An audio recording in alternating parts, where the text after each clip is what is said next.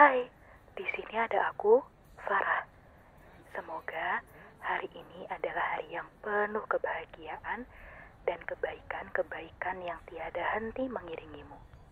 Selamat mendengarkan kisah cappuccino.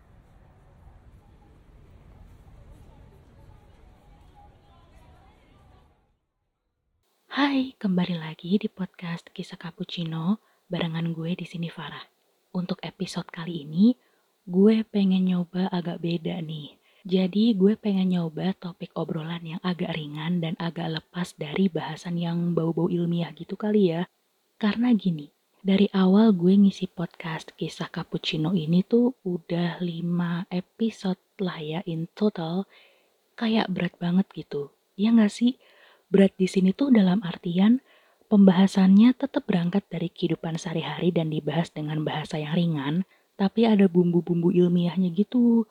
Contoh yang paling berasa menurut gue ya, pas ngebahas toxic relationship itu. Jujur, itu bahasan yang gue tuh ngerasa kalau topik yang kayak gitu itu tuh harus secepatnya dieksekusi. Tapi ternyata prosesnya nggak bisa dibikin cepet karena gue harus hati-hati banget dalam menyampaikannya. I mean, toxic relationship itu bisa dimaknai macam-macam. Soalnya dari kata toxic itu sendiri kan bisa dideskripsikan macam-macam tergantung perspektif kitanya kan.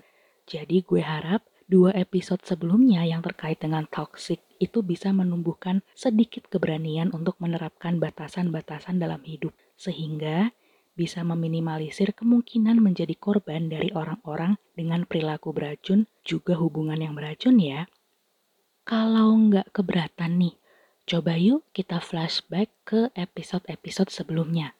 Kira-kira ada yang nebak nggak ya kalau gue adalah orang yang suka kokoreaan? Yap, bisa dibilang gue adalah K-popers sejak tahun 2008-2009an. Sebenarnya produk hiburan, hela produk hiburan dari Asia Timur ya kayak drama Korea, drama Jepang, drama Mandarin, drama Taiwan dan sejenisnya itu tuh adalah sesuatu yang udah gue akrabi sejak kecil. Nyokap gue tuh BTW ngoleksi album-albumnya Ayumi Hamasaki dan Utada Hikaru loh.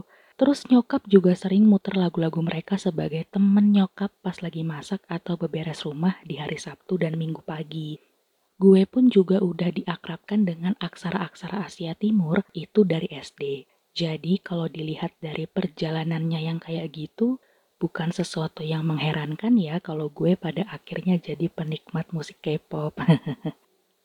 kalau seandainya ditanya, lo suka boyband apa Far? Wah, banyak banget. Kalau ngomongin K-pop, sebenarnya nggak cuman soal boyband atau girl band doang, dan nggak cuman yang itu-itu aja loh menurut gue ya. Bisa dibilang gue ini multi fandom. Hah? Multi fandom? Apa tuh? Jadi multi fandom ini adalah istilah yang bisa digunakan untuk menggambarkan seseorang yang menggemari lebih dari satu idola. Misal, Juleha demen sama beberapa boyband kayak B2B, Shiny, Monsta X, Tracer, dan Winner maka si Juleha bisa disebut multi fandom atau disingkat Mulfan. Gampangnya gitu ya. Gue pun juga masuk dalam kategori Mulfan sebenarnya karena emang demenannya banyak.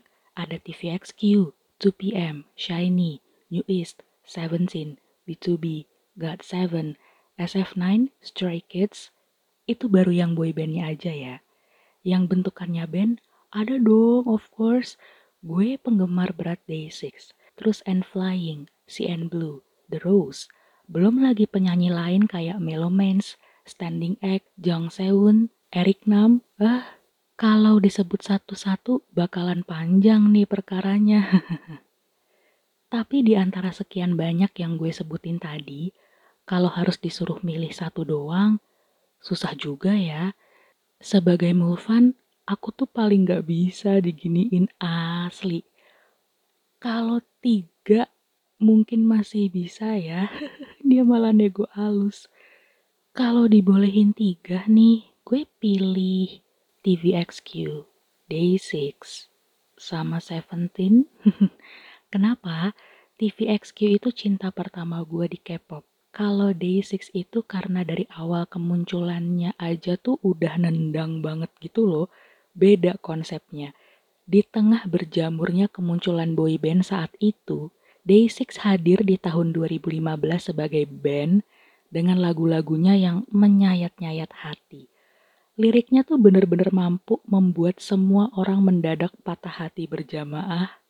Padahal pacaran aja siapa tahu belum pernah. Canda-canda. Kalau Seventeen, gue milih Seventeen karena kekompakan dan kerja keras mereka dalam memproduksi semuanya sendiri, mulai dari koreografi hingga musiknya. Nggak ada orang yang nggak tahu kalau gue ini demen banget K-pop. Nyokap, bokap, adek gue, teman-teman SMA gue, teman-teman gue zaman S1 dulu, teman-teman S2 gue, beberapa senior gue, beberapa dosen dan guru SMA gue, Bahkan ada tetangga gue yang tahu kalau gue emang demen sama K-pop.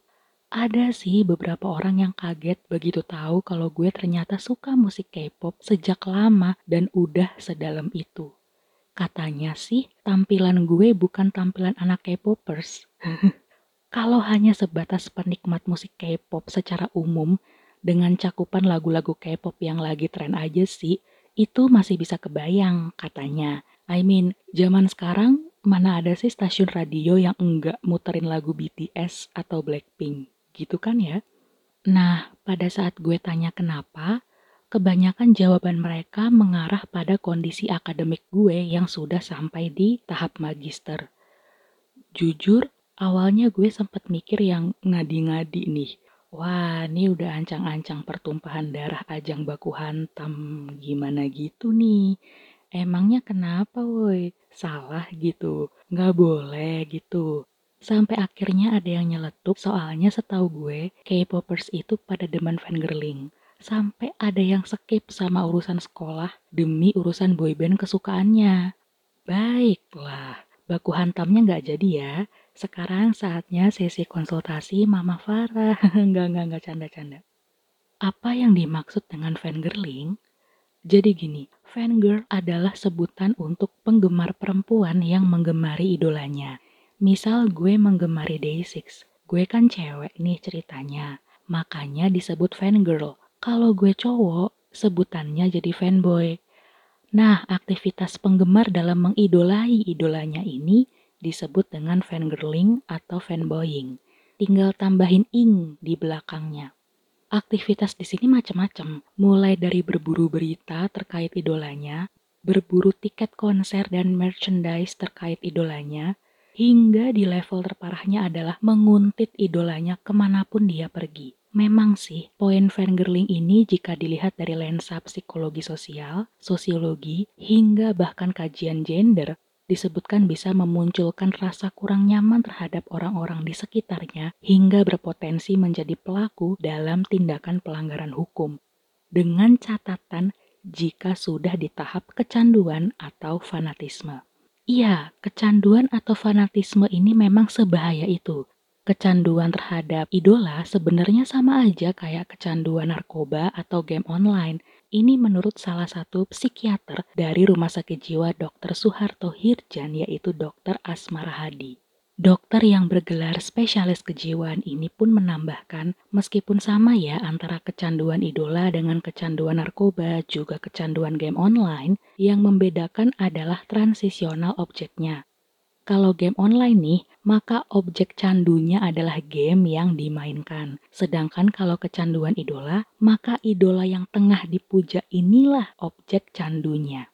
Nah, ibaratnya orang kecanduan game nih, pasti orang itu tuh bawaannya pengen main game terus sampai lupa waktu. Kayaknya 24 jam tuh berasa kurang gitu. Padahal di 24 jam itu, sebagian besar dia habiskan untuk bermain game. Padahal juga bisa jadi orang itu memiliki beberapa tanggung jawab dan tugas sehari-hari yang harus dilakukan. Kalau yang kecanduan idola, maka ya sebagian besar waktunya terhabiskan untuk urusan fangirling atau fanboying. Padahal boleh jadi orang itu memiliki tanggung jawab dan tugas yang harus dipenuhi di tiap harinya. Dari survei yang dilakukan oleh Kumparan salah satu media di Indonesia, sebanyak 56% fans K-pop menghabiskan waktu sekitar 1 hingga 5 jam untuk memantau sosial medianya demi mencari tahu info apa pun terkait idolanya. Bahkan 28% fans K-pop menuturkan bisa jadi mereka menghabiskan waktu lebih dari 6 jam hanya untuk fangirlingan. Sehingga untuk menunjang aktivitas fangirlingannya itu, mereka biasanya memiliki lebih dari satu akun media sosial. Akun yang satu digunakan untuk aktivitas real life-nya, sedangkan akun yang lain digunakan untuk aktivitas fangirlingannya ini. BTW, data tersebut dirilis oleh pihak kumparan ke publik di awal bulan Januari 2017. Jadi udah tiga tahun ya, masih terbilang valid sih menurut gue karena masa data tersebut belum lebih dari 10 tahun. Gitu aturannya. Coba deh kita bayangin bareng-bareng. Dalam satu hari, aktivitas fangirling yang demikian ternyata sudah memakan seperempat hari kita. Padahal kalau dipikir-pikir lagi, banyak banget loh hal-hal yang lebih prioritas kita lakukan. Misalnya, ngerjain tugas, menyelesaikan tugas akhir semacam skripsi, tesis, atau disertasi, ngebantu orang tua di rumah, ngobrol-ngobrol sama saudara, main sama hewan peliharaan, video call sama teman segeng misalnya, bahkan ibadah, istirahat, membersihkan diri dan lingkungan sekitar seperti tempat tidur dan kamar, ngelakuin hobi, dan lain-lain. Apalagi dengan kondisi pandemi seperti ini, semua dilakukan serba online dengan pace dan beban yang menurut gue lumayan berasa ya.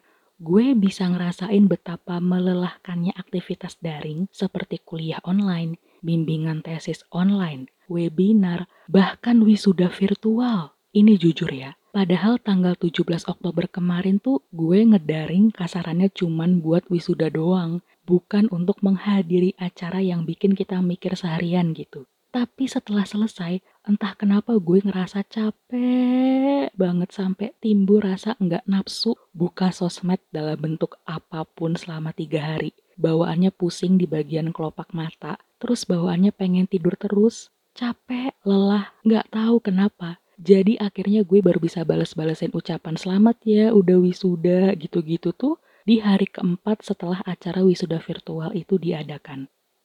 Aktivitas fangirling memang bisa menimbulkan kesenangan tersendiri ya. Ya ibarat main game lah. Siapa sih yang gak seneng bisa mandangin idola di dunia maya berjam-jam, mantengin sosial medianya, nontonin tayangan variety show-nya, dengerin suara nyanyinya. Hal ini sebenarnya bisa jadi media untuk melepas penat kan ya? Tapi menurut gue, itu semua akan jadi masalah ketika kita kelewat batas dalam melakukan aktivitas tersebut hingga lupa waktu dan lupa diri kasarannya. Terus gimana dong biar bisa bagi waktu secara adil antara fangirling sama nugas? Baiklah, perlu diingat bahwa gue juga manusia biasa yang hidupnya penuh dengan jatuh bangun ya. Sekiranya yang baik-baik, mudah-mudahan berkenan dan cocok dijadikan contoh. Yang jelek-jelek, please jangan ditiru. Cukup gue aja yang ngalamin teman-teman jangan ya. Gue pernah ada di fase di mana gue hidup tuh udah mulai menuju candu akan jadi K-popers. Bener-bener bangun langsung ngecek sosmed. Ada berita terbaru apa nih soal idola gue. Mau tidur juga gitu. Ngecek sosmed buat mantau berita terkini soal idola gue. Bahkan ya, saat itu gue ngerasa bahwa motivasi hidup gue satu-satunya adalah idola gue. Sampai akhirnya suatu saat nyokap gue ngomong gini ke gue. Jangan sekali-kali kamu mengemis sinar pada bintang-bintang yang jauh di sana. Jadikanlah dirimu sebagai bintang untuk hidupmu sendiri. Jangan terlalu lelah menyinari bintang-bintang lain. Sinarilah dirimu dan teruslah bersinar agar tetap hidup sampai akhir. Gitu. Dalam banget gak sih? Kayak Gue selama ini menyinari kehidupan orang lain yang jelas-jelas udah bersinar jauh lebih terang daripada gue, tapi gue lupa kalau gue sendiri dalam keadaan temaram dan butuh sinar untuk tetap berpendaran di langit. Gue rela-relain sampai kasarannya nahan makan berminggu-minggu demi bisa beli album K-pop. Gue rela-relain mantengin sosmed biar enggak ketinggalan berita soal idola gue. Padahal saat itu gue harus ngerjain tugas dan tidur cepet supaya nggak bangun kesiangan keesokan harinya. I mean gini loh, makan makanan yang kita suka, ngerjain tugas, dan istirahat tepat waktu itu adalah hal yang prioritas dan urgensinya jauh lebih tinggi loh. Iya nggak sih? Jadi, kunci pertama yang harus diingat adalah sadari prioritas dan urgensi kehidupan lo. Ada dua hal yang datang bersamaan nih ceritanya. Tugas setumpuk dengan deadline yang mepet, sama notifikasi Songjin Day6 yang mendadak siaran di aplikasi V-Live. BTW, aplikasi V-Live ini adalah platform siaran video langsung asal Korea Selatan yang diciptakan sebagai wadah untuk berkomunikasi dengan para penggemarnya. Nah, untuk para My Day AKA Persatuan Penggemar Day6, kita semua tahu lah ya, Kanjeng Raden Mas Songjin ini lama banget menghilang dari peredaran muka bumi. Semuanya pada nahan kangen karena berbulan-bulan lamanya Songjin nggak ada kabar. Akun Twitternya udah dimakan rayap apa gimana tuh? Terakhir update kalau nggak salah bulan Februari dan sampai detik ini belum ada tanda-tanda hilal Songjin bakal nge-tweet soal makanan lagi. Tapi sekalinya Songjin muncul, meskipun cuman sebagai bahan pembicaraan J di live IG misalnya atau member D6 lain, efeknya tuh sedahsyat itu loh. Langsung jadi trending topik Twitter, nggak main-main. Jadi karena pertimbangan-pertimbangan tersebut, hal ini memang alasan yang bisa diterima sih jika memutuskan untuk nonton siarannya Songjin di V-Live. Tapi sebenarnya mendahulukan diri untuk ngerjain tugas pun gak kalah penting loh. Iya sih yang namanya tugas, apalagi tugas akhir. Mana ada sih yang bikin seneng? Bikin puyeng iya, bikin nangis sudah pasti. Tapi setumpuk tugas yang ada di hadapan mata kita ini kalau enggak diselesaikan dari sekarang, kapan lagi? Kalau bukan kita yang nyelesain, siapa lagi? Apa bisa semua tugas-tugas kita itu didelegasikan ke orang lain? Misal adik atau anaknya Pak RT di kampung sebelah? Memungkinkan nggak ya? Kalau masih belum mempan, coba dipikirin bareng-bareng yuk. Kira-kira dampak apa aja sih yang muncul apabila kita tidak melakukan salah satunya? Misal, saat kita memutuskan untuk enggak nonton siaran Songjin di V-Live.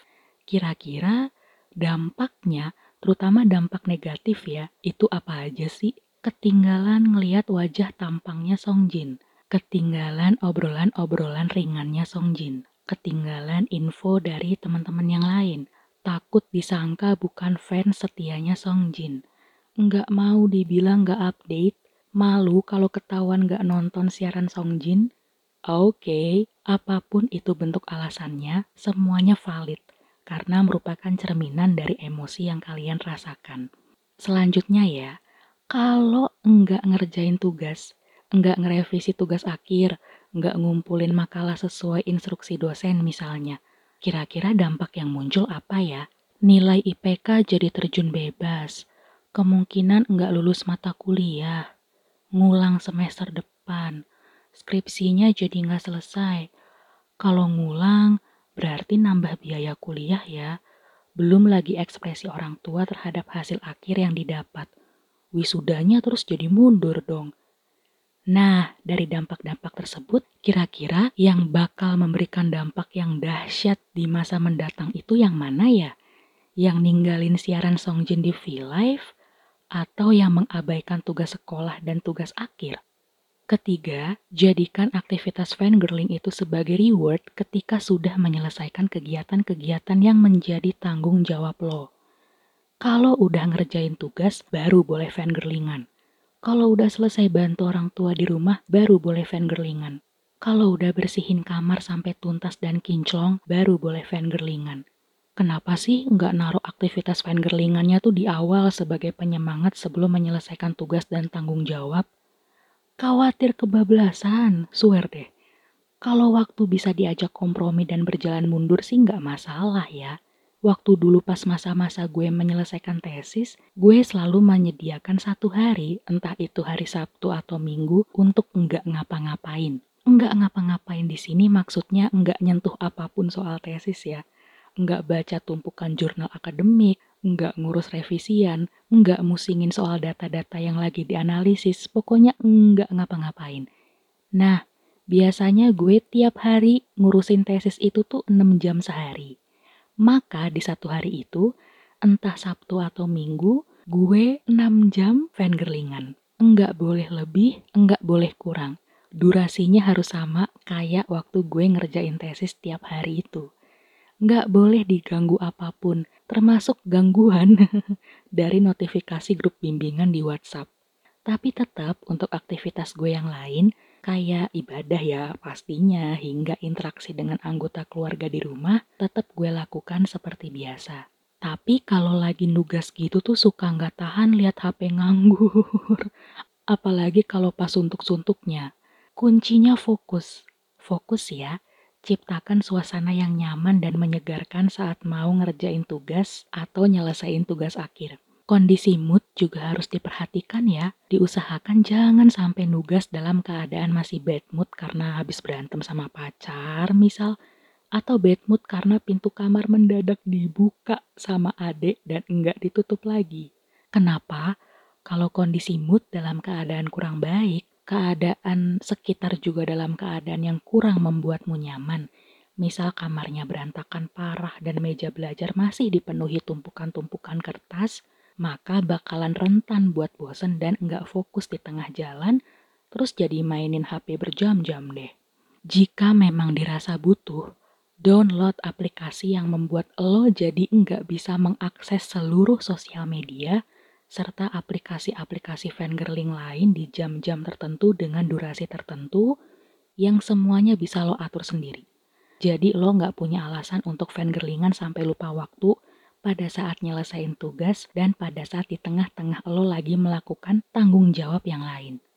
Kalau memang masih dirasa sulit, matiin aja HP-nya, terus titipin ke adik atau kakak misalnya, sambil dibilangin untuk enggak ngasih HP itu ke gue sampai di batas jam tertentu. Meskipun gue memohon-mohon, tolong untuk tidak dikasih sampai gue bisa menyelesaikan apa yang lagi gue lakukan. Itu tahap ekstrimnya ya. Tapi gini, semua itu nggak bakal bisa total lo lakukan ketika lo nggak punya kemauan, komitmen, dan enggak konsisten dalam menerapkan hal-hal itu. I mean, percuma lo download aplikasi ini itu, tapi nya sendiri yang melanggar. Percuma lo ngerapiin kamar, nyiapin cemilan, minum kopi biar melek sampai pagi, kalau ujung-ujungnya lo nggak komitmen buat nyelesain tugas dan malah asik fangirlingan sampai dini hari gue percaya bahwa sebenarnya musuh terbesar kita itu bukan sahabat, bukan preman terminal, bukan mamang jambret perempatan lampu merah, bukan, bukan mereka. Tapi musuh terbesar kita adalah justru diri kita sendiri. Gimana sulitnya kita harus melawan kemalasan, ketakutan, dan keegoisan diri sendiri. Gimana sulitnya kita harus bertarung bangkit dari zona nyaman dan keluar dari sana demi tumbuh menjadi pribadi yang lebih baik gimana sulitnya kita harus tetap menjaga komitmen dan tetap konsisten menjalankan banyak hal yang bisa membangun diri kita. Jadi sebenarnya membagi waktu fan girl dengan nugas adalah hal yang nggak begitu sulit loh. Tetap taruh dirimu sebagai prioritas utama. Apa pun, apa pun itu alasannya. Seperti yang nyokap gue katakan, Jangan sekali-kali kamu mengemis sinar pada bintang-bintang yang jauh di sana. Jadikanlah dirimu sebagai bintang untuk hidupmu sendiri. Jangan terlalu lelah menyinari bintang-bintang yang lain. Sinarilah dirimu dan teruslah bersinar agar tetap hidup sampai akhir. Jadi, tetap semangat ya, dan jangan sekali-kali mengizinkan dirimu untuk meredupkan sinar hidupmu. Siapa lagi yang akan menjadi sinar untuk hidupmu? jika bukan sinar yang muncul dari dirimu sendiri.